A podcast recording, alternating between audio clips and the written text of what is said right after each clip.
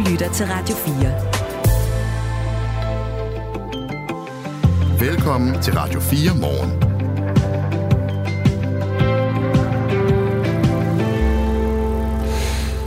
Ja, ja, Michael, rolig nu, så er det heller ikke øh, bedre, og i det opløb, som hun deltog i, var det jo nærmest givet, at hun vil vinde. Jeg mener Putin, øh, og kong Charles igen, øh. Det er en sms, vi har fået med det på øh, 1424, og det var fordi, jeg øh, før nyhederne kunne fortælle, at Taylor Swift var blevet øh, årets person i Time Magazine. Og øh, der var en, der så synes det var i hvert fald ikke overraskende. Nej. Nej. Men det ville også have været, det er, det er jo rigtigt, hvad han skriver. Ja, det hvem skulle mere, ellers have været? Ja, det har fald været mere det overraskende, det, han mener. Ja. hvis det havde været øh, Putin, ikke? Jo. Ja. Og lidt overraskende også, at han overhovedet var nomineret. Putin. Ja, ja det ja. har du ret i. Ja. ja. Nå, men det blev altså Taylor Swift. Tak for øh, sms'en. På 1424, du kan bare skrive hvis du har der, noget på hjertet. Der er også flere, der har skrevet om nogle af de andre historier, vi har haft med den her morgen. Uh, vi har jo talt om den jødiske uh, højtid Hanukkah, som begynder mm. i aften. Og der er en her, der skriver, Mia skriver, hold da op, hvor overraskende, at Radio 4 vil oplyse om Hanukkah. Det er dejligt, for det er interessant viden, og især på grund af, at det er kampen for håb og lys versus mørke, skriver Mia altså. Vi var også lidt ude i noget med, hvor mange flag er der i grunden solgt, øh, øh, palæstinensiske flag og israelske flag, mm. i forbindelse med den her konflikt, øh, som jo nu har kostet tusinder af, af livet, og kan man overhovedet stille sig øh, uden at tage stilling i, i den her sag. Og så er der en af vores lyttere, Lone Rasmussen fra Amager, som skriver, I kan da ikke sammenligne konflikten i Palæstina med invasionen i Ukraine. Det var nemlig faktisk lidt det, vi gjorde, fordi vi talte om, at mm. mange af de her ukrainske flag jo stadig vejer rundt omkring på offentlige bygninger også. Men øh, hun siger så, Lone Rasmussen fra Amager, det er to helt forskellige situationer. Rusland angriber uden varsel et selvstændigt naboland imod alle traktater, og det sker i vores nærområde, hvor lande tæt på os kan blive de næste, der invaderes. Og potentielt os selv. Konflikten i Palæstina er over 80 år gammel. Der er ikke tale om et selvstændigt land. Den er vævet ind i årtiers konflikter om bosættelser osv. Altså kan man sammenligne de her ting? Kan man tage, hvad skal man sige, en stemningsrapport på to konflikter, der er så forskellige? Det mener Lone altså ikke, vi kan. Tak for sms'en, Lone. Ja, tak for den. Klokken den er 7 minutter over 8. Det her er Radio 4 morgen. Vi begynder med noget politik, fordi senere i dag, der skal Folketinget forholde sig til et forslag om en såkaldt grænsningskommission, der skal undersøge FE-sagen til bunds. Og det er altså et forslag, som er stillet af otte partier i oppositionen, blandt andet af SF. Men i går aftes, der fik den her sag en noget uventet drejning. Justitsministeriet og Peter Hummelgaard udsendte nemlig en pressemeddelelse, hvor i der står, at regeringen og SF er blevet enige om en undersøgelse af FE-sagen og også af Samsam-sagen. Med andre ord, så øh, vil SF ikke være med i deres eget forslag om en åben undersøgelse af FE-sagen og har indgået en aftale med regeringen, der blandt andet gør undersøgelsen lukket for offentligheden. Jakob Nielsen er chefredaktør på øh, netmediet Altinget. Godmorgen. Godmorgen. Vi vil egentlig rigtig gerne have talt med øh, SF, men øh, øh, SF's retsordfører, øh, men hun har ikke vil stille op til interview her til morgen med os. Så vi er glade for, at du vil være med, Jakob. Øh, hvor... I må tage, hvad I kan få. Ja, det gør vi også, og det gør vi glade og gerne, specielt når det er dig. øh, Hvorfor er det egentlig, SF springer fra sit eget forslag om en grænsningskommission, øh, der skal undersøge, hvad der er op og ned i FE-sagen? Jamen det er jo fordi SF vurderer, at de har fået noget, som, øh, som er bedre med den aftale, de har, de har indgået med regeringen. For SF har det i mange, mange år, også længe før der var nogen, der havde hørt om FE-sag, øh, har, har det længe været en, øh, en ambition at få styrket tilsynet med de danske efterretningstjenester, sådan så at der bliver bedre mulighed for at, at, at kontrollere, at alt foregår ordentligt i efterretningstjenesterne. Og det er jo noget af det, de har fået med den her aftale, og det, det har været rigtig vigtigt for, for SF. De har fået, at, øh, som du også nævner, Jacob, at tilsynet med efterretningstjenesterne skal styrkes, og at Samsam-sagen skal undersøges, og øh, også at øh, FE-sagen selvfølgelig fortsat skal undersøges. Hvad, I forhold til FE-sagen, som jo ligesom har været det store springende punkt, hvad er, hvad er det så, det ender med, nu når SF og regeringen har lavet den her aftale? Ja, det, der var jo i forvejen nedsat en kommission med tre landsdommer, som skulle undersøge en del af FE-sagen, og det, der vil blive besluttet nu, det er, at den kommission så også skal undersøge hele forløbet omkring, øh, at der blev indledt efterforskning af Lars Finsen, og at der blev rejst tiltale mod både ham og Claus Hjort Frederiksen. Og det vil sige, at kommissionen kommer til at kigge på, om der var nogen, der tog usaglige hensyn i, i, i, i det forløb. Så man kan sige, at hele forløbet omkring, at Lars Finsen blev, blev aflyttet i sit hjem overalt, hvor han var i, i, i, i næsten et års tid, og beslutningen om, at man rejste tiltale mod en tidligere minister, det vil være noget af det, som kommissionen skal, skal kigge på og se, om, øh, om, øh, om det skete ud fra det, man kalder usaglige hensyn. Altså for eksempel var det, fordi nogen havde et horn i siden på dem, eller var der nogen, der rejste den tiltale, fordi de fik en opringning fra statsministeriet om, at det, det skulle de, eller andre ting. Vi taler med Jakob Nielsen, som er chefredaktør på netmediet Altinget, og vi taler om den her aftale, som SF i går aftes lavede med regeringen om øh, undersøgelsen af den her FE-sag. Jakob øh, Nielsen, det har jo været meget afgørende for politikerne, hvor den her undersøgelse ligesom lå henne. Altså, oppositionen vil gerne have, at det ligesom er Folketinget, der skal undersøge FE-sagen. Hvor, hvor ligger den så henne nu med den her aftale? Aftalen øh, betyder, at undersøgelsen stadigvæk er forankret i Justitsministeriet. Men altså, man skal huske, det er jo altså tre landsdommere, der kommer til at gennemføre undersøgelsen, så selve undersøgelsen har ministeriet og regeringen ikke nogen mulighed for at påvirke, men den er forankret i Justitsministeriet. Det betyder, at det er Justitsministeriet, der skriver, øh, der skriver teksten om, hvad der egentlig skal undersøges. Og så betyder det også, at undervejs skal der ikke afrapporteres til Folketinget om, hvad de finder ud af. De her grænskningsudvalg, som er en relativt ny ting, der er blevet opfundet, det er jo på en måde den samme slags undersøgelse. Det vil også være øh, formentlig øh, dommer, der stod i spidsen for den.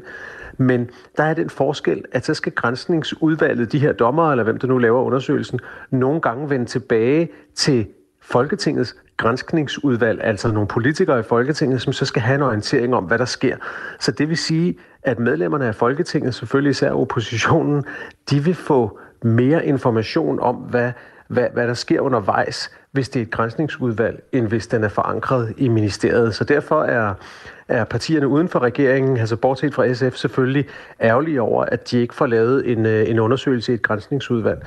Og de havde også håbet, hvis de fik lavet grænsningsudvalg, det er svært at sige, ja. at, øh, at det så ville foregå for åbne døre, så hele offentligheden kunne følge med i, hvad der skete. Og det kommer ikke til at ske i den her undersøgelse. Den kommer til at foregå for lukkede døre, så hvis der bliver afhørt vidner, så er det ikke noget, vi kommer til at kunne følge i, i aviser og fjernsyn. I aftalen der hedder det blandt andet, at undersøgelsen skal omfatte alle relevante myndighedspersoner herunder ministre og skal belyse, om der i forbindelse med efterforskning og retsforfølgning er varetaget usaglige hensyn herunder for eksempel politiske eller personlige interesser. Er det væsentligt anderledes end det, som øh, der var blevet lagt op til før, altså før SF lavede en aftale med regeringen? Jamen, det er et godt spørgsmål, og det tror jeg i virkeligheden ikke, der er nogen endegyldig sandhed på. Hvis man spørger partierne i oppositionen, altså bortset fra SF, så vil de sige, at den her undersøgelse, den er for snæver, og det her med usaglige hensyn, det er et meget afgrænset begreb, så det betyder, at der kan være ting, der ikke vil blive opklaret. Regeringen og SF, tror jeg, vil sige, at at, øh, at det er svært at se, hvad det er, dommerne egentlig ikke kan undersøge og ikke kan spørge om i denne her undersøgelse. Og jeg tror i virkeligheden, at, at man skal passe på med at gøre sig til dommer over, hvem, hvem af dem, der har ret. Det, vi er nede i noget meget teknisk jura om, hvor meget det afgrænser undersøgelsen her, men det, det spiller ind i denne her, altså det er et forløb, hvor der er utrolig meget mistillid, og det er helt tydeligt, at der er nogle partier, som mistænker regeringen for at prøve at formulere opgavebeskrivelsen så snævert, at man ligesom på en måde undgår, at det væsentlige bliver undersøgt. Jeg tror også bare, at man skal huske, det er tre landsdommere, øh, der skal sidde og undersøge det her.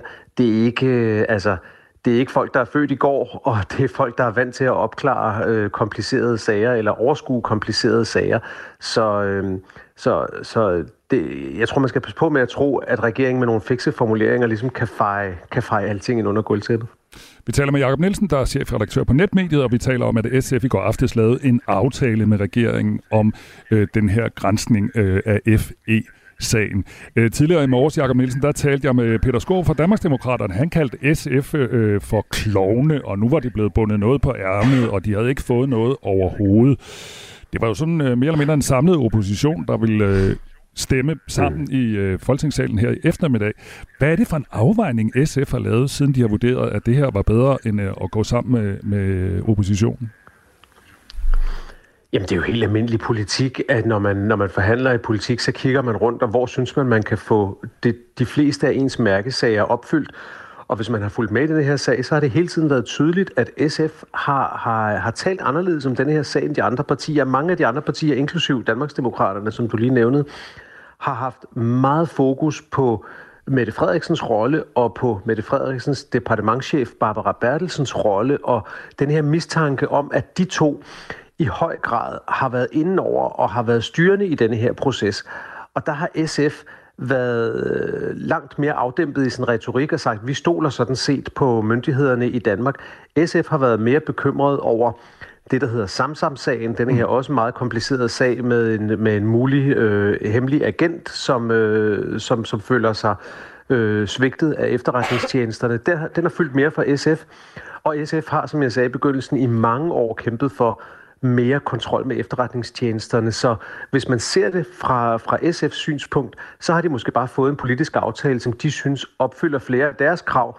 Og det er klart, at Peter Skåb må ærge sig, fordi at, øh, at SF nu ikke hjælper med at få opfyldt hans krav, men sådan er det jo nu engang i politik. Tak skal du have, Jacob Nielsen, fordi du var med i Radio 4 morgen. Selv tak. Og Jakob Nielsen er altså chefredaktør på netmediet Altinget. Om det her er Radio 4 morgen. Undskyld med det. Nej, det er mig, der, der beklager. News. Det er der, fordi øh, det er netop nu øh, kommet frem, at øh, Mia Wagner, som jo var blevet minister, digitaliserings- og minister for ligestilling, i stedet for Marie Bjerre, begge to medlemmer af Venstre, Marie, Mia Wagner træder simpelthen ud af regeringen igen. Øh, det gør hun, siger hun, på grund af personlige og helbredsmæssige årsager. Det er statsministeriet, der skriver det her i en pressemeddelelse. Så altså Marie Bjerre tilbage på sin gamle post som digitaliseringsminister og minister for ligestilling. Mia Wagner ud af sin post som øh, minister. Det er noget nyhed. Øh, det er det. Og også en meget, meget overraskende nyhed, må man sige. Per Bak Laursen, vel også for dig. Velkommen til.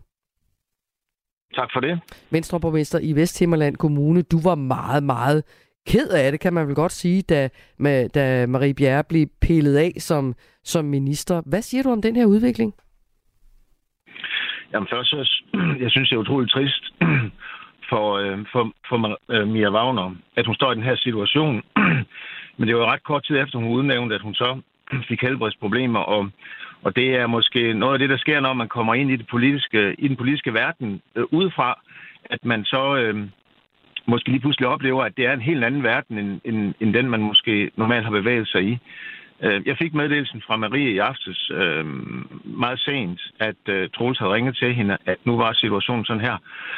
Og øh, det er jo klart, det er jo... Øh, jeg er lidt ambivalent, fordi at øh, nu, kommer, nu kommer Marie ind igen, og, og jeg havde faktisk et møde med Marie i mandags, hvor vi øh, drøftede forskellige scenarier for fremtiden, og det her emne blev faktisk berørt. Og øh, men jeg kender jo igen Marie så godt, så øh, hun er jo bare en sejtrækker. Altså, hun skal bare ind og løse en opgave, og hun er en del af holdet, og hun spiller selv banen igen nu, og Hva? gør det godt. Du øh, siger, du siger i, øh, du sagde, at emnet blev berørt. Hvordan det? Hvad snakkede I om der for et par dage siden? Um, um, Ja, altså nu, det var sådan lidt en privat samtale. Jeg synes, vi kom, vi kom langt omkring øh, forskellige ting. Også hvad det er, hun havde oplevet øh, lige netop omkring øh, tidspunktet, hvor hun jo så fik beskeden øh, også ja, i forhold til sin familie, og hvordan, øh, og så med alle de tanker, hun havde for fremtiden og så videre. Øh, men det er jo klart, at øh, øh, man skal sunde sig over, øh, og på den måde komme ud af, af, af en ministerpost, som, som hun var meget glad for. Øh, og det har hun haft tid til. Øh, men altså, Øhm, jeg synes, det er stærkt af hende, at hun alligevel siger, ved du hvad, jeg tager den her op igen, og jeg fortsætter, når at man beder mig om det. Så er du i virkeligheden mest glad på Marie Bjerres vegne, eller mest ked af det på Venstres, eller for den sags skyld Mia Wagners vegne, hvis man kan formulere det på den måde? Ah, ja, det er svært at formulere netop det, du siger der, men altså Marie Wagner tænker jeg jo på, øh, håber virkelig, hun kommer godt øh, videre. Øh, Øh, og, og hun har truffet den her beslutning. Og så er jeg selvfølgelig personligt glad på Maries vegne. Og så har Venstre lige lidt med det der med, som jeg har været øh, lidt optaget af her, øh, måske det sidste øh, halve års tid, med at vi skal også sige det, øh, vi har tænkt os at gøre. Altså, det der slingeren, det er vigtigt skal vi til at væk fra. Det her det er selvfølgelig ikke noget, Troels han kunne have forudset, men altså, øh, øh, så lad os nu lige få styr på det, og, og lad Marie komme godt i gang igen, og jeg glæder mig til at se hende i funktion igen. Tak skal du have for at være med os her. Velkommen. Og vi talte altså med Per Bæk Larsen, øh, borgmester, og øh, som begræd i den grad, øh, venstreborgmester i Vesthimmerland Kommune, som i her for, noget, for kort tid siden begræd meget, at Marie Bjerre altså var blevet fjernet som minister og erstattet af Mia Wagner. Og den helt store nyhed øh, her til morgen er altså for et øjeblik siden kommet frem, at Mia Wagner udtræder af regeringen. Marie Bjerre bliver minister igen. Hun bliver igen, som hun var det før, digitaliseringsminister og minister for ligestilling. Det er statsministeriet, øh, som ud, øh, oplyser det her i en pressemeddelelse. Statsministeren er indstillet til dronningen, at Marie Bjerre igen udnævnes til minister for digitalisering og ligestilling, og samtidig vil økonomiminister Stefanie Lose ophøre med at fungere som digitaliseringsminister og minister for ligestilling. Statsministeren præsenterer den her nye minister, den nye gamle minister, kan man vel næsten sige, for øh, prinsesse Benedikte er vikar for dronningen, og det sker alt sammen klokken 9.15. Og Mia Wagner fik i sidste uge et ildbefindende og besvimede derhjemme, og så blev hun sygemeldt, og det var der, hvor Stephanie Lose så midlertidigt overtog hendes opgaver. Men hun har altså valgt at sige stop øh, af hensyn til sit helbred, og Venstreformand Troels Lund Poulsen oplyser i en pressemeddelelse, at han er utrolig ked af, at Mia ikke kan fortsætte, som han siger. Men der er selvfølgelig ting, der er vigtigere end politik, siger altså Venstres formand Troels Lund Poulsen. Det her er Radio 4 morgen. Det amerikanske senat har nedstemt en hastelov, der skulle sende knap 450 milliarder kroners hjælp afsted til Ukraine og Israel. Langt største delen af de her penge skulle gå til Ukraine, mens små 100 milliarder skulle gå til Israel. Men de republikanske senatsmedlemmer har blokeret øh, loven, fordi de vil have strengere kontrol med grænsen til Mexico. Rasmus Sinding Søndergaard er seniorforsker ved Dansk Institut for Internationale Studier. Godmorgen. Godmorgen. Hjælp til Ukraine og Israel, og så noget med strengere grænsekontrol i Mexico. Hvordan hænger de her to eller tre ting sammen? Ja, men altså, rent logisk hænger de selvfølgelig ikke sammen. Men, øh, og så alligevel, ikke? Øh, fordi det er jo ofte sådan i amerikansk politik, at man laver de her øh, sådan hybrid lovpakker, hvor man knytter en lang række ting sammen. Og i det her tilfælde, så kan vi sige, altså, at Biden havde jo bedt om at få øh, støtte til både Ukraine og Israel, og egentlig også noget til grænsen.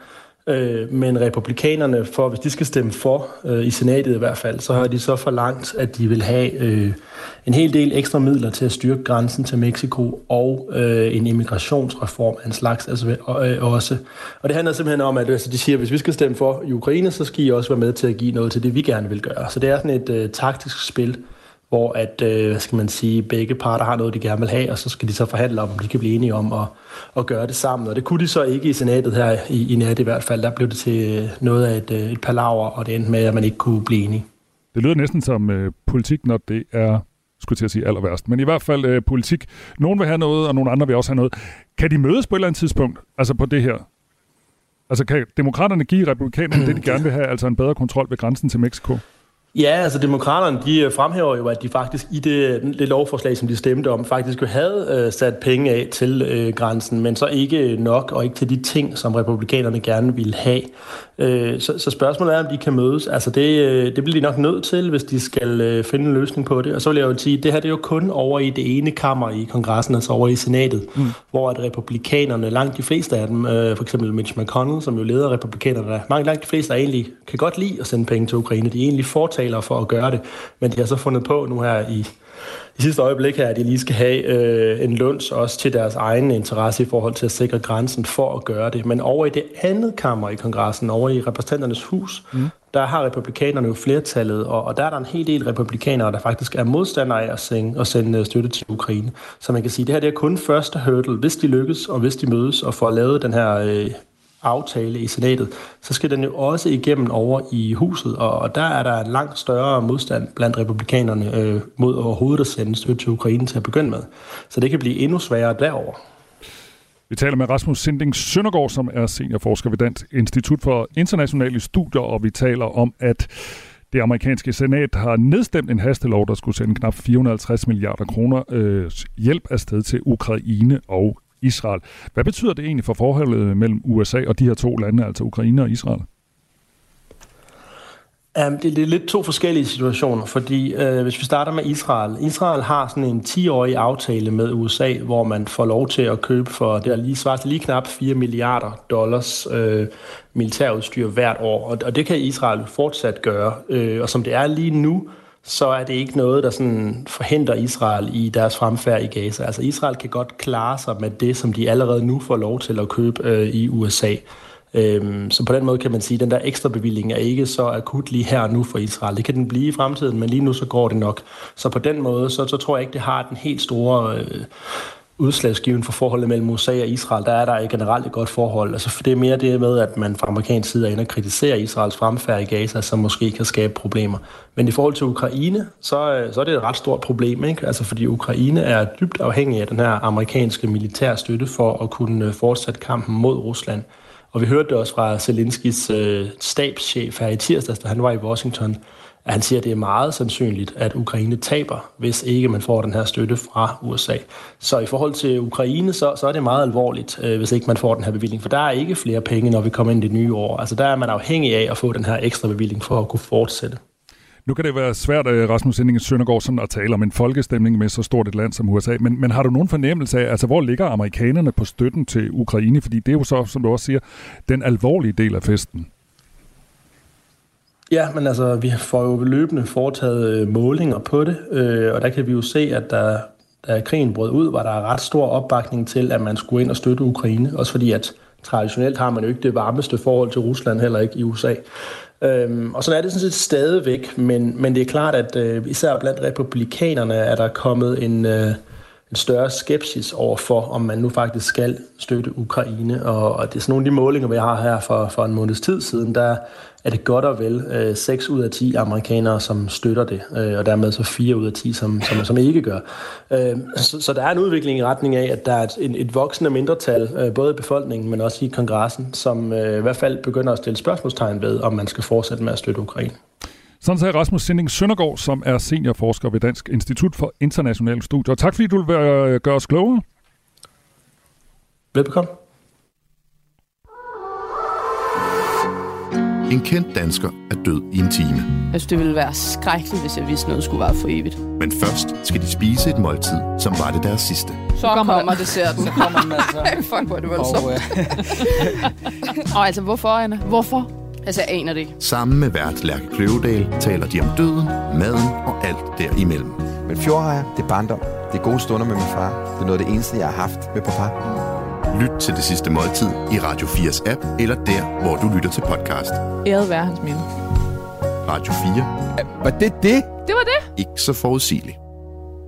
Den helt store nyhed fra Christiansborg denne morgen er jo, at Mia Wagner, helt sprit nyudnævnt minister øh, for digitalisering og ligestillingsområdet, går af igen som minister, og det gør hun af helbredsmæssige grunde. Hun blev i sidste uge fik hun et ildebefindende og blev sygemeldt, og nu siger hun altså farvel og tak, i hvert fald for den her omgang til dansk politik. Det betyder så, at øh, Venstres Marie Bjerre, som blev, øh, blev sendt tilbage på sin plads i Folketingssalen, kan man sige, nu genindtræder som minister.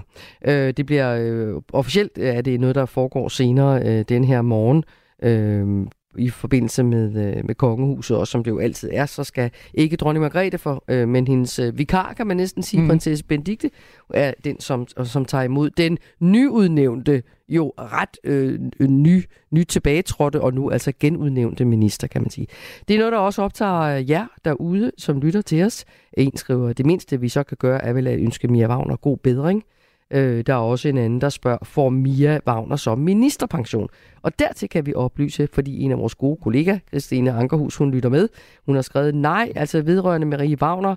Hvis I lytter og spørger til ministerpension, så kan vi fortælle, at man skal have været mindst et år i funktion som minister for at få ministerpension. Tak for den, Christina. Mm-hmm. Der er også en, der skriver, ikke så overraskende, at en uddannet jurist ikke ønsker at være en del af den nuværende regering. Måske er Mia Wagner et etisk funderet menneske, skriver en øh, lytter, der hedder Christina.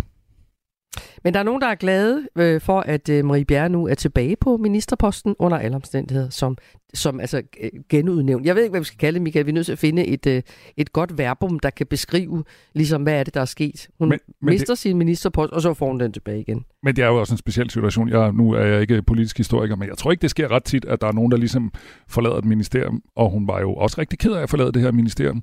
Og hvis man lader mærke til det, efter hun øh, var blevet øh, smidt ud, fyret, eller hvad man nu skal kalde det, så fik hun også rigtig meget hæder. Altså, der var rigtig mange, der synes hun faktisk har været en rigtig, rigtig god minister. Det spændende er, om hun nu får lige så meget heder for at træde tilbage, fordi det er jo lidt tit sådan, at når du så har ansvaret igen, så følger kritikken også med, ikke? Jo.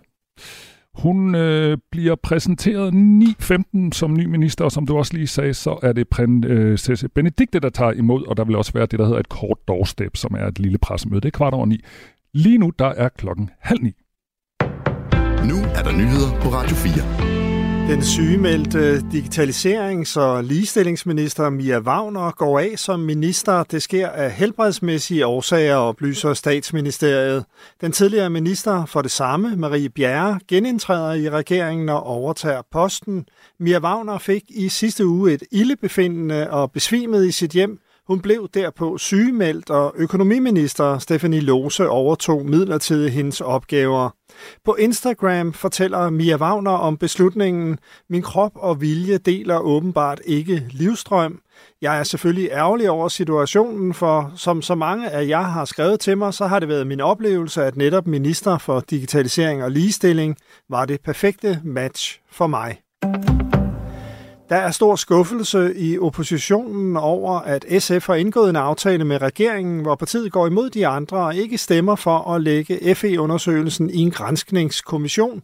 Det er principløst, lyder det fra de konservative og Dansk Folkeparti.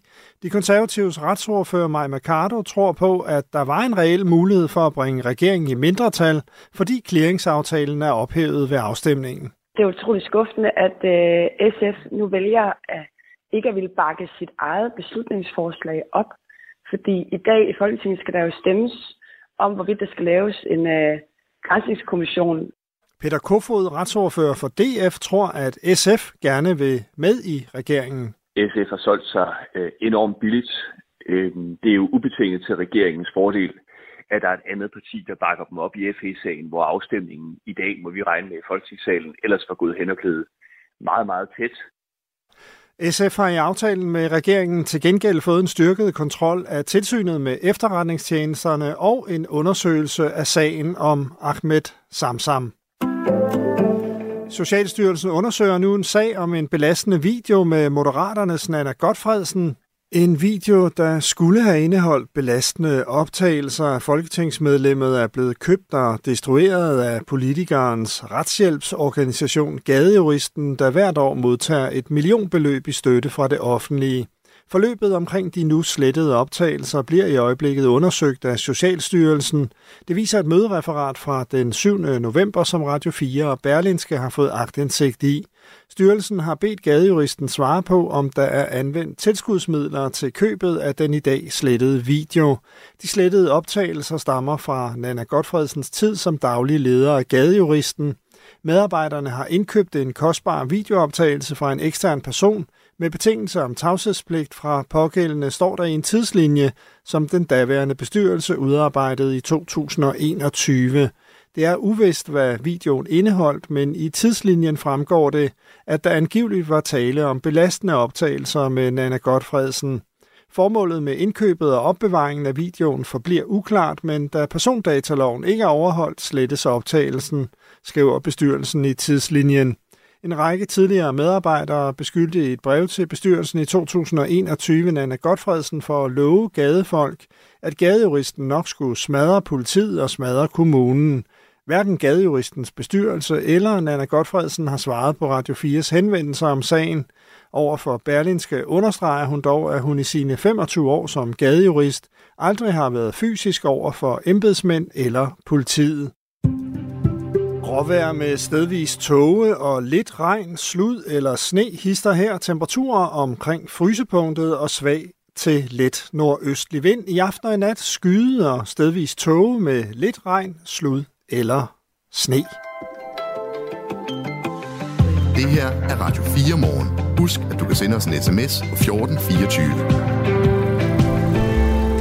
Og det er altså på en morgen, hvor vi øh, skal have en ny gammel minister, kan man sige sådan? ja, ja, hun er ja, ikke gammel. Så en, en, der er en lytter, der foreslår, jeg efterlyser et verbum, der kan beskrive det. Hun er blevet genindsat, er der en lytter, der foreslår. Ja, og det vi taler om, det er, at uh, Mia Wagner har her til morgen meddelt, at hun ikke kommer tilbage som uh, minister, og så genindtræder altså Marie Bjerre i, øh, øh, i ministeriet, som øh, Mia Wagner har haft. Øh, og øh, det var jo hende, der havde posten før. Så det er sådan lidt en speciel situation. Og nu siger jeg ministeriet, det er altså Digitaliserings- og Ligestillingsministeriet, vi taler om. Præcis.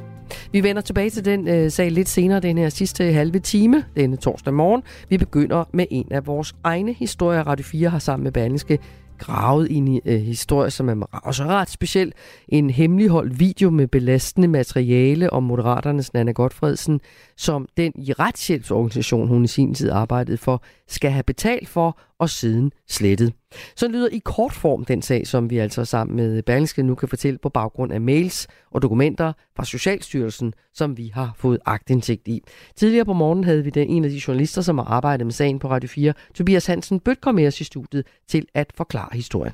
Medarbejderne har indkøbt en øh, video, som, som de kalder belastende, mm-hmm. Og så skriver bestyrelsen så, at de antager, at det er i forhold til Nana Godfredsen. Så Altså, det er selvfølgelig også lidt øh, specielt det her med, at vi ikke kan sige præcis, hvad der, hvad der sker i den her video her. Men vi ved, bestyrelsen har øh, formuleret, øh, at det skulle være en belastende mail, eller hvad hedder det, en belastende video, og vi ved, at øh, Gadeøsten har købt den her video. Og så ved vi også, at den er blevet øh, destrueret i dag. Godmorgen og velkommen, Henrik Kvartrup. Godmorgen, og tak for det. Du sidder et sted, hvor, der, hvor det larmer, Henrik. Er du i en bil? Jeg er i bil, øh, og øh, jeg kører lige lidt mere ind til siden her, hænger lige på. Så ja, det ville være dejligt. rigtig meget, så kan vi godt finde ud af noget, der er lidt øh, mere stille fast. Det nu er jeg godt. ind på en resteplads. Det kan jeg høre på så dine... Giv, giv, mig, giv, mig, giv mig 20 sekunder, så, så holder jeg stille. Og imens skal jeg jo Det fortælle, at du, Henrik Kvartrup, tak fordi du parkerer, politisk er politisk analytiker for BT. Og du har øh, både i forhold til det, vi har materiale, vi har sendt dig øh, her fra Radio 4, men også på Bandiske har du læst historien. Hvad, altså, hvor, hvilke, hvilke konsekvenser kan den her sag for, få for, for, for Moderaterne, som i forvejen har jo ret mange sager, som er problematiske for partiet og de enkelte medlemmer af Folketinget? Lad mig, lad, mig, lad mig starte der, hvor du, hvor du slutter. Altså, det er klart, det var cirka det sidste, Moderaterne havde brug for lige nu. Endnu en sag, der ja, kan man vel godt tillade sig at sige, skandaliserer et af partiets øh, folketingsmedlemmer. Øh, der er jo folk, der har brugt udtrykket klovnebussen om, øh, om, om de kandidater, som, som øh, Moderaterne stillede op. Vi havde først sagen med, med ham, der, der aldrig nogen Christian Klarskov, der aldrig nærmest noget startet i Folketinget. Så havde vi Fonseca, så havde vi Steffensen, og nu kommer så den her om, om Nana Godfredsen. Og, og, og det bidrager lidt til indtrykket af øh, et parti, der opstiller folk, der på den ene eller på den anden måde har et eller andet med i, i bagagen. Og isoleret set er det måske ikke nogen af sagerne de aller, aller største, men sammen giver det bare indtryk af et parti, der ikke har ro på, eller orden på, på bagsmækken, om man vil. Og, og, og den konkrete sag er jo, altså, er jo relativt kompliceret, og der er også en masse ubesvarede spørgsmål i det. Uh, vi har forsøgt at få opklaret, hvad har der været på den her video, som ikke, an, ikke angiveligt ikke længere eksisterer. Hvad er, det, der, hvad er det, der er foregået? Hvem har betalt for at få opkøbt den her video, uh, som så uh, skal være slettet osv. osv. Vi har forsøgt at få en kommentar fra både bestyrelsen i Gadejuristen, organisationen her, og også fra Nana Godfredsen selv. Øh, det, det har ikke været muligt. Hun giver et øh, skriftligt citat til Berlingske, hvor hun blandt andet understreger, at hun i sine 25 år som gadejurist aldrig har været fysisk over for embedsmænd eller politiet, men at hun tit har været vred, og også rasende vred, som hun skriver, side om side med nogle af de allermest udsatte og sårbare i vores samfund, når myndigheder ikke levede op til deres lovmæssige ansvar og forpligtelser over for dem, skriver hun altså til Berlingske. Altså Henrik, hvor går grænsen for, hvad man ligesom kan, skal stå til regnskab for, man tidligere øh, kan have gjort og været engageret i?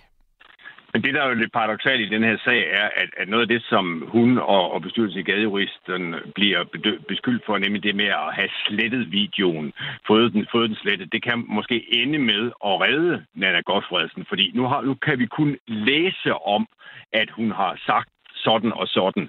Forestil dig, at der lå en video, hvor et medlem af et af regeringspartierne sagde det, som nogen påstår fremgår af den der video, nemlig at hun havde lyst til at smadre politiet. Øh, det er sådan en af de der lydsekvenser, som jeg ikke tror, at ret mange folketingsmedlemmer ville kunne overleve, hvis jeg skal være helt ærlig. Nu foreligger den lydsekvens ikke længere, fordi ja, den er jo blevet slettet, den her video, må vi forstå. Øh, så, så, så selvom det selvfølgelig ikke ser kønt ud, og selvom det sikkert kan give nogle problemer, så er det sammenholdt med, hvordan det ville være, hvis der fandtes sådan en lydsekvens, øh, dog at foretrække, hvis man er godt Godfredsen, når man er moderaterne. Men Henrik Fortrup, øh, politisk analytiker for BT, og man kan vel omvendt sige, at Moderaterne har fået en masse nye navne i Folketinget. Såkaldt helt almindelige mennesker. Altså, vi har vel også et eller andet sted lov til at være helt almindelige mennesker. Der er bare, der er bare rigtig er mange deres helt almindelige mennesker, som så efterfølgende er blevet på en eller anden måde involveret i nogle virkelig dårlige sager. Kan man sige det sådan? Ja, det, det kan man jo godt, og, og jeg skal da være den sidste til, at dømme folk på, på, alt, på, på alt, hvad de har gjort i, i fortiden. Men, men, men, men, og så er jeg lidt tilbage ved mit første svar. Altså, det, det er jo mere det indtryk af, at vi befinder os i en stime, ikke? Altså, først var der en, så var der to, så var der tre. Øh, og, og hvis den her sag var, var, var, var dukket op, uden at vi havde haft det, det andet bagkatalog, så tror jeg for så vidt ikke, det ville fylde så meget. Men nu har vi bagkataloget, og, og, og, og så er det måske vanskeligt sådan at fastholde det der i idylliseret billede af, hvor er det dog dejligt at få, få troet folk ind, der ikke har tid til at med politik. Ja, det kan være meget forfriskende, men der skal bare ikke komme for mange af den her slags sager, vi har været vidne til, og derfor er det et problem for Moderaterne. Vi har ikke kunnet få, som sagt, nogen kommentar fra, øh, fra Nana Godfredsen selv, men vi har fået et skriftligt øh, svar fra Moderaterne som parti, øh, hvor de skriver, Moderaterne kan og vil ikke forholde sig til udokumenterede og anonyme påstande, som i øvrigt tidsmæssigt henrører til en periode, hvor Nana Godfredsen ifølge det oplyste havde overlov for gadejuristen, og heller ikke var valgt for Moderaterne. Moderaterne anerkender det vedholdende og konsekvente arbejde for de allermest sårbare udsatte, som Nana Godfredsen har bedrevet gennem 25 års arbejde i Gadejuristen. Nana Godfredsen er stadig de udsatte og de sårbare stemme, men nu i Folketinget, hvor hun er et værdsat medlem af Moderaternes folketingsgruppe. Citat slut. Det er det Moderaternes skriftlige svar til os. Hvad fortæller det dig i forhold til, hvor kritisk de vurderer den her sag, Henrik Gorsuch? Jamen, det fortæller mig jo, at de umiddelbart tænker, nu slår vi lige ring om hende, øh, og så, så folder vi hænderne og håber på, at der ikke er en, øh, en noget dokumentation. Det var det, jeg var inde på før, at det fatalt ville have været, hvis der var lå en lydsekvens med, med, med, med de der betragtninger, som hun så umiddelbart er, er, er kommet med. Ikke? Mm. Øh, men men øh, det er jo så også, og nu lyder jeg meget kynisk, men, men det er jo så også øh, Moderaternes store held, at øh, den her sag dukker op på en dag, hvor vi jo alle sammen nok øh, kommer til at beskæftige os mere med en helt anden sag, nemlig Mia Wagners mm. øh, exit. Øh, og sådan kan, kan man jo nogle gange igen øh, kynisk betragtet være heldig, når der dukker modsager op, og der har øh, Moderaterne faktisk været heldige.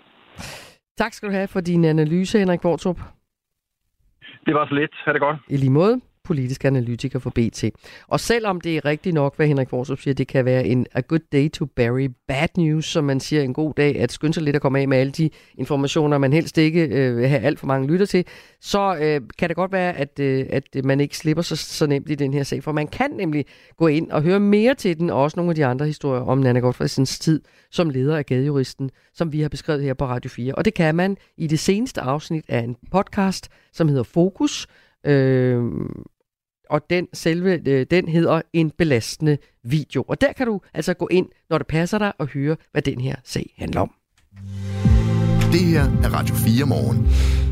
Nu skal vi tale med en politiker fra Moderaterne, men lad mig lige skynde mig at sige, hun har altså ikke noget med Nana Godfredsens sag at gøre. Det skal nemlig handle om Koranloven, der skal tredje behandles i dag. Det er en lov, som har været øh, helt, en, en hel del til det, debat, kan vi vist roligt sige, og øh, den er jo altså kommet, den skal vedtages blandt andet fordi, at flere øh, politikere, altså regeringen, gerne vil forhindre, at afbrændingen sker af Koranen i det offentlige rum.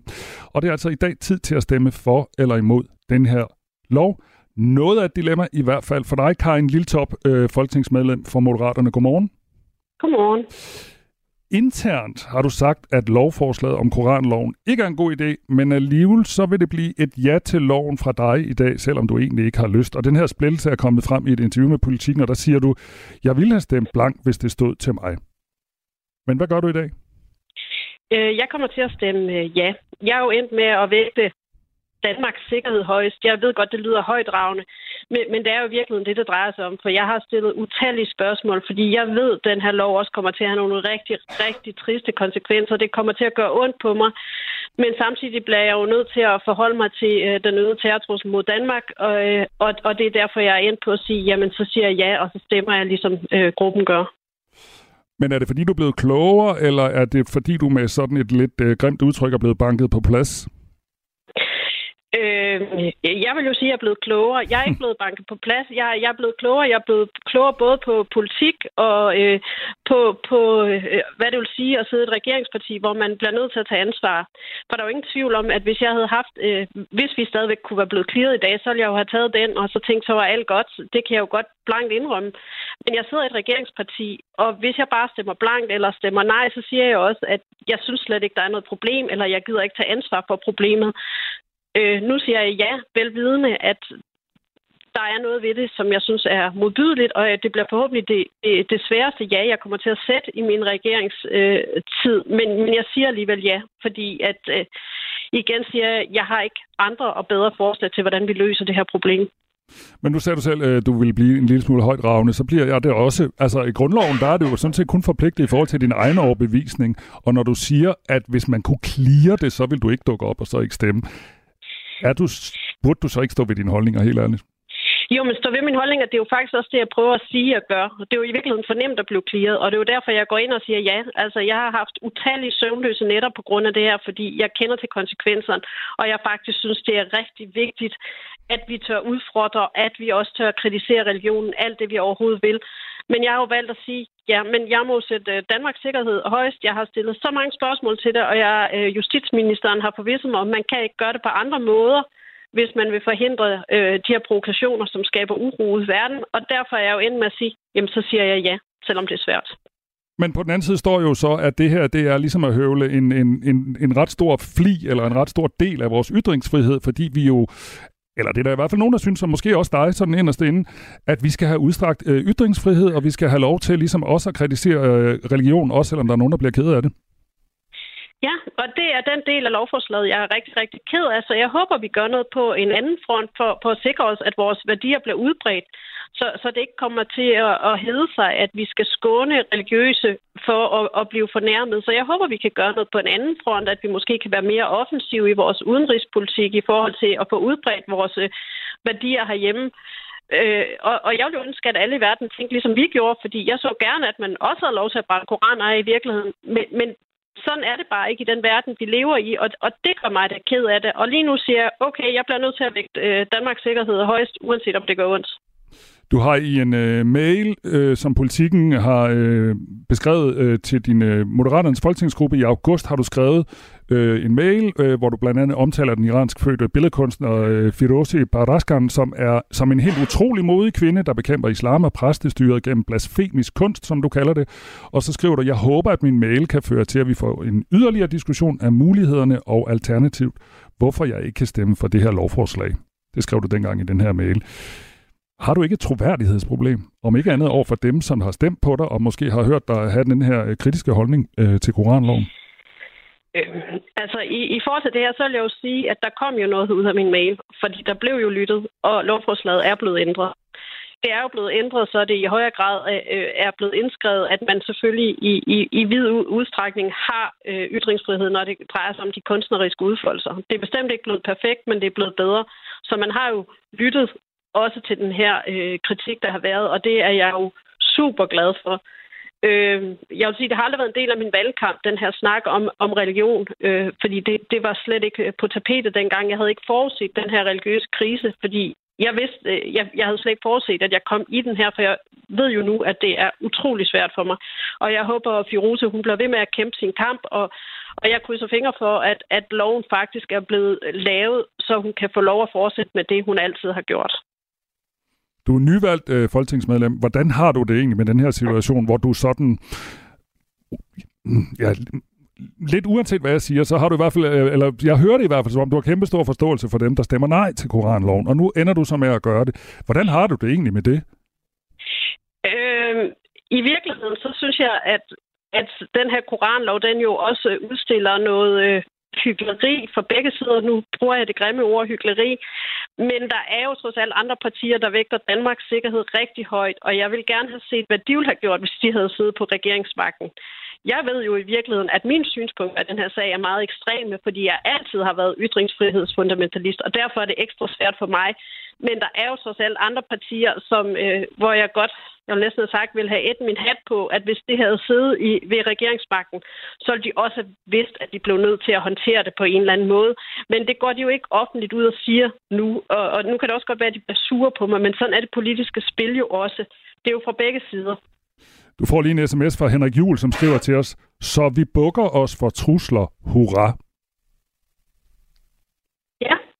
Øhm, og det, det ved jeg godt, at man har haft travlt med herinde at sige, at vi bukker os ikke for, for trusler. Øh, men, men jeg ser jo lidt mere nuanceret på det og sige, jo, det gør vi jo delvist. Det, netop når jeg snakker om Danmarks sikkerhed, så er det jo netop, fordi vi er bange for, hvilke konsekvenser det har. Og, og det ved jeg godt, man åbenbart heller ikke må sige højt, men det synes jeg er fair nok at indrømme, at det er noget det, der er, er vigtigt for mig, og det er også derfor, jeg siger, at vi skal jo kæmpe tilbage igen, så må vi jo gøre noget på en anden front for ligesom at få udbredt vores værdier, man siger, lige nu er situationen det her, og lige nu bliver Danmark misbrugt i, i en eller anden global, øh, i et globalt magtspil, og det er derfor, vi, det kræver handling fra, fra dansk side. Tak fordi du var med her, Karin Lilletorp. Det var så let. Ha' en god dag. I lige måde. Og Karin Lilletorp. Du lytter til Radio 4 morgen. Og det var mig selv. det var mig selv, der skød en skiller i nakken Det kan, på mig altså, selv. det kan jeg ikke hjælpe dig med, Nej, det der, Michael. det var Karin Lilletorp, som altså er folketingsmedlem for Moderaterne. Og du talte med hende i forbindelse med, at Koranen nu skal tredjebehandles i dag. En af de uh, historier, som har fyldt rigtig meget på Christiansborg. Men der er en anden, som overskygger den, kan man vist godt sige. Ikke? Det kan man Nemlig, at Mia Wagner ikke vender tilbage som minister, men det gør I derimod en, som øh, hvis afgang mange begræd, Marie Bjerre. Øh, Venstres formand, Troels Lund Poulsen, øh, sagde for kort tid siden sådan her øh, foran pressen. Jeg havde i går en samtale med Mia Wagner, hvor hun øh, meddelte mig, at hun gerne ville øh, stoppe øh, som øh, digitaliserings- og ligestillingsminister på grund af hendes øh, helbred. Ja, Troels Poulsen for kort tid siden sagde altså, øh, at nu træder øh, Mia Wagner endegyldigt tilbage. Hun havde været sygemeldt, hun kommer ikke tilbage. Og det gør hun efter, at hun for 14 dage siden meget overraskende blev udråbt til digitaliserings- og ligestillingsminister. Nu er det øh, kapitel øh, i hendes øh, politiske karriere altså slut. På Wagners egen Instagram fortæller hun om beslutningen, jeg citerer, Min krop og vilje deler åbenbart ikke min livsstrøm. Jeg er selvfølgelig ærgerlig over situationen, for som så mange af jer har skrevet til mig, så vil, har det været min oplevelse, at netop minister for digitalisering og ligestilling var det perfekte match for mig. Citat slut. Marie Bjerre, som tidligere var minister for digitalisering og ligestilling, genindtræder. Så altså, godmorgen Stephanie Aldelin. Godmorgen. Den så man ikke lige komme, eller hvad strategisk rådgiver gennem mange år for Venstre. Selvom man har det hele den baggrund, du har, så var det vel ikke noget, der... Det var en overraskende nyhed. Ja, det var en overraskende nyhed, øh, og det er jo helt usædvanligt, at det foregår med øh, efter så kort tid i, i, minister, i ministerstillingen. Og det var jo en chance, som øh, Troels Lund øh, tog, og øh, det, selvom man kan sige, at det var et, et, det var et meget ubeskrevet blad, så prøvede han jo på at lave sådan en, en ny og, øh, og kvindelig Tommy Ahlers effekt, som Venstre havde meget stor øh, glæde af for, for år tilbage og ligesom skabe et eller andet vendepunkt øh, og vise, at, øh, at det her, det kunne, eller anvise måske det, der kunne være vejen til en ny vækst for, for Venstre. Så, øh, så det kunne jo næsten ikke være værre, end, øh, end det er gået nu, og øh, det betyder jo, at 2023 kommer til at lægge sig ind i en, øh, endnu, som at, at blive endnu et år, kan man sige, som har været utrolig udfordrende for Venstre. Lad os lige høre lidt mere af, hvad Troels Poulsen sagde på det her øh, doorstep-pressemøde for kort tid siden. Øh, Mia Wagner øh, var en øh, stærk profil, en stærk profil, øh, men altså ikke længere en del øh, af øh, ministerholdet. Øh, det er jeg ked af, men øh, sådan må det være. Når det så er sagt, øh, så er jeg jo glad for, at øh, Venstre har rigtig gode kræfter, og som øh, I jo ved, så lavede vi en rokade for 14 dage siden, og der går jeg også meget ud at sige, at den rokade var et tilvalg for at få et, et bredere hold. Derfor øh, har vi så heldigvis også mulighed for nu, at øh, jeg kan byde velkommen til Marie Bjerre igen som digitaliserings- og ligestillingsminister. Ja, Steffen Hjaldelin, kan man, du siger, det, det, er det er ikke nødvendigvis godt for Venstre det her, men er det, er det på en måde lidt en redningsplanke, Truls Lund Poulsen har fået? Nu får han faktisk en chance for at genindsætte Marie Bjerre, som øh, åbenbart er meget, meget øh, afholdt og respekteret i Venstre. Ja, det var i hvert fald tydeligt, da, da han foretog udnævnelsen af øh, at, øh, at der, der var en meget stor veneration for Marie Bjerre, og, at, og der sker jo altid det i en folketingsgruppe. Når man tager folk udefra, så bliver folketingsgruppen øh, skuffet. De har knoklet siden ungdomspartierne for at komme op i rækkerne og gøre sig bedre og bedre, og så kommer der en udefra, der har været medlem af Venstre i en uge. Øh, og det her, det var så derudover et, et, et populært, øh, en populær minister, og øh, jo i en grad, hvor helt over til Pelle Dragsted fra, fra oppositionen har man været ude at, øh, at rose hende. Så det er jo, der var ikke andre valg, efter at øh, Mia Wagner ikke ville det her, så var der ikke andre valg på det her tidspunkt, end at invitere Marie Bjerre tilbage. Nej, han kunne ligesom ikke tage en betyder, tredje, vel? Ej, det, så havde det været, det havde givet en virkelig dårlig dag på kontoret øh, hos, øh, hos Venstre, så det, det kunne han naturligvis ikke, og hun har også gjort det godt. Men, men man kan sige, at hun har kendt stof. Altså det, der var, det, der var, det som jeg går ud fra, at Troels Lund har forsøgt, det var, Marie Bjerre var jo ligesom det øvrige ministerhold kendt stof, og gav Venstre de her 8-9 procent, vi ser øh, lige nu. Så hvis man skulle prøve noget nyt, øh, så var det jo det her forsøg på at få en udefra med X-faktor. Men, øh, men det viser jo samtidig også, hvor usandsynligt hårdt det er, at være politiker, og det glemmer man måske nogle gange, men øh, som hun selv siger, hun havde jo lysten til det, men hendes krop måtte bare sige nej, og hun blev, kom jo under hårdt angreb med det samme. Hun kunne ikke svare på, om hun havde tænkt sig at stille op som folketingskandidat. Det burde hun kunne svare på inden for første sekund, var mediernes øh, holdning. Og det næste var så, at hun ændrede sin, sin egen holdning til øh, kvindeko, øh, kvindekvoter. Der var folk, der syntes, det var en uelegant overlevering, hun lavede til, fra, fra, fra Bjerre. Og, øh, og, og så bliver man bare udsat for et fuldstændig massivt pres som politiker og som minister, som man næsten ikke kan forstå. Og øh, der var det så, at hendes krop, den sagde ellers tak. Ja, men, men undskyld Michael, jeg har lige givet dig lov, havde sagt til at stille spørgsmål, men der er bare noget, der presser sig på, Steffen, så nu afbryder jeg lige med min kollega.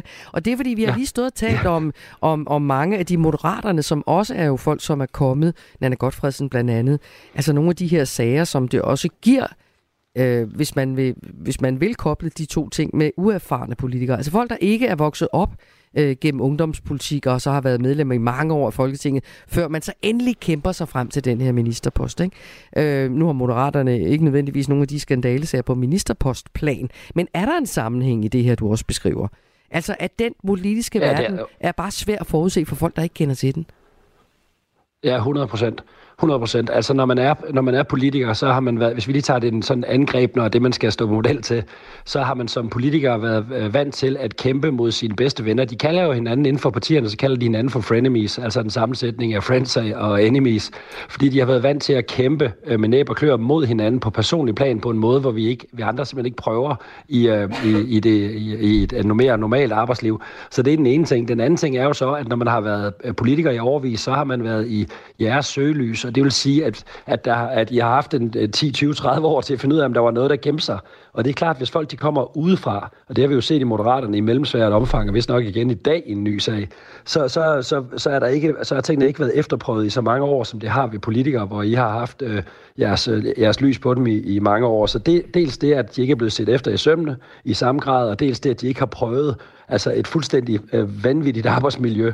Øh, det er det, der gør, at, at, øh, at det nogle gange går galt. Du nævnte lige før, Stem Jantelin, det her med, at hun svarede sådan lidt øh, uklart på, om hun ville stille op for Venstre, og hun også var måske var lidt uklar øh, klar på det her med kvoter i bestyrelser, altså kvinder, kvindekvoter i, kvoter i bestyrelser, for, som hun var gået ind for, før hun blev politiker. Og som du lige også sagde, det er svært at være politiker, tror du, Troels Lund Poulsen også drager et lille lettelsens suk over, at hun ikke er her mere, altså som minister? Øh, nej, det tror jeg ikke. Jeg tror faktisk, at, øh, at han havde forventet, at øh, der ville komme noget, der kunne komme lidt diskrepans, som det hedder, altså lidt usammenhængende argumenter i starten, indtil man finder ud af at blive god til det. Så jeg tror sådan set, at han på nuværende tidspunkt kun er skuffet over, at hans at det der skulle ligesom have markeret et vendepunkt. Altså Venstre har jo desperat brug for et vendepunkt. Altså hvis vi lige bare lige spoler tilbage, så for Lars Løkke forlod partiet, og man tænkte, det kan ikke blive værre. Så forlod Støjberg partiet, man tænkte, det kan ikke blive værre så øh, kom, kom der et forfærdeligt valg, så kom der meningsmålinger efter man gik i, i øh, regering, som man tænkte ikke kunne blive værre, så gik formanden på sygeoverlov, man tænkte det kunne ikke blive værre, så kom han tilbage, og det kunne stadigvæk ikke blive værre, og så røg han helt ud, og så fik Troelsen, og, og, og i øvrigt på et landsmøde, som jeg synes var både forudsigeligt og kedeligt, og så prøver han på at lave noget uforudsigeligt og sige, prøv at det er nu, det vender, kære venner. Det er nu, at vi kommer til at, at, at kravle op af. Øhm, og, så, og så glider det også. Så det er jo en, ja, det er en Stem, meget, meget ubehagelig dag. Du har næsten lige lavet sådan en venstre rap, kan man næsten sige, hvis du sætter musik til det, du lige siger. Det kunne ikke blive værre, det kunne ikke blive værre. Så hvis du skal samle op og sige, så, så hvor er venstre nu? Altså er det nu hele vejen op ad bakken en gang til for Truls Poulsen, eller smitter det alligevel lidt af? det er hele vejen op ad bakken, eller man kan sige, altså det her, det var jo et forsøg på at lave et vendepunkt. Øh, Troels Lund skal nu i gang med sammen med resten af ledelsen at finde ud af, hvad skal vendepunktet så være? Altså, hvornår skal der komme en, øh, noget, som kan øh, ligesom tage det her, vende det her dårlige momentum til en sådan positiv momentum. Og man skal bare lige huske, at der er den værste ting, der står foran dem, det er, at den her CO2-afgift, den skal jo forhandles færdig i løbet af foråret. Og Den, det bliver en frygtelig sag, fordi der er Ja. ikke nogen, der ender med at blive glade. Og vi skal måske også lige huske, at Marie Bjerre, øh, selvom hun er kommet tilbage, og det bliver politiske modstandere og tilhængere så glade for, så var hun ikke særlig kendt i befolkningen. Så, så han har ikke nødvendigvis fået en, et, et, et stemmetrækplaster, eller hvad? Nej, nej, nej. Hun er så blevet lidt, lidt mere kendt af, på grund af selve, af selve øh, transaktionen her, kan man Det sige, kan du blandt sige, os, der ja. går særligt op i det. Ja. Men, øh, men, men det, er jo, det er jo sådan, at en menig minister, øh, jeg har været med til utallige fokusgrupper, hvor den slags er blevet målt, og nogle gange bliver de for bløde for sig selv. En menig minister er ikke ret kendt ved almindelige mennesker. Folk de Nej. har travlt med deres liv og går ikke lige så meget op i politik, som vi andre gør. Tak skal du have, Steffen Hjaltelin. Strategisk rådgiver gennem 15 år øh, for Venstre. Tusind tak for at være med. Vi er nået til vejs ende med det, da vi skal have nyheder klokken er 9 og 9.05. Der er der ring til Radio 4. Du har lyttet til en podcast fra Radio 4. Find flere episoder i vores app, eller der, hvor du lytter til podcast. Radio 4. Ikke så forudsigeligt.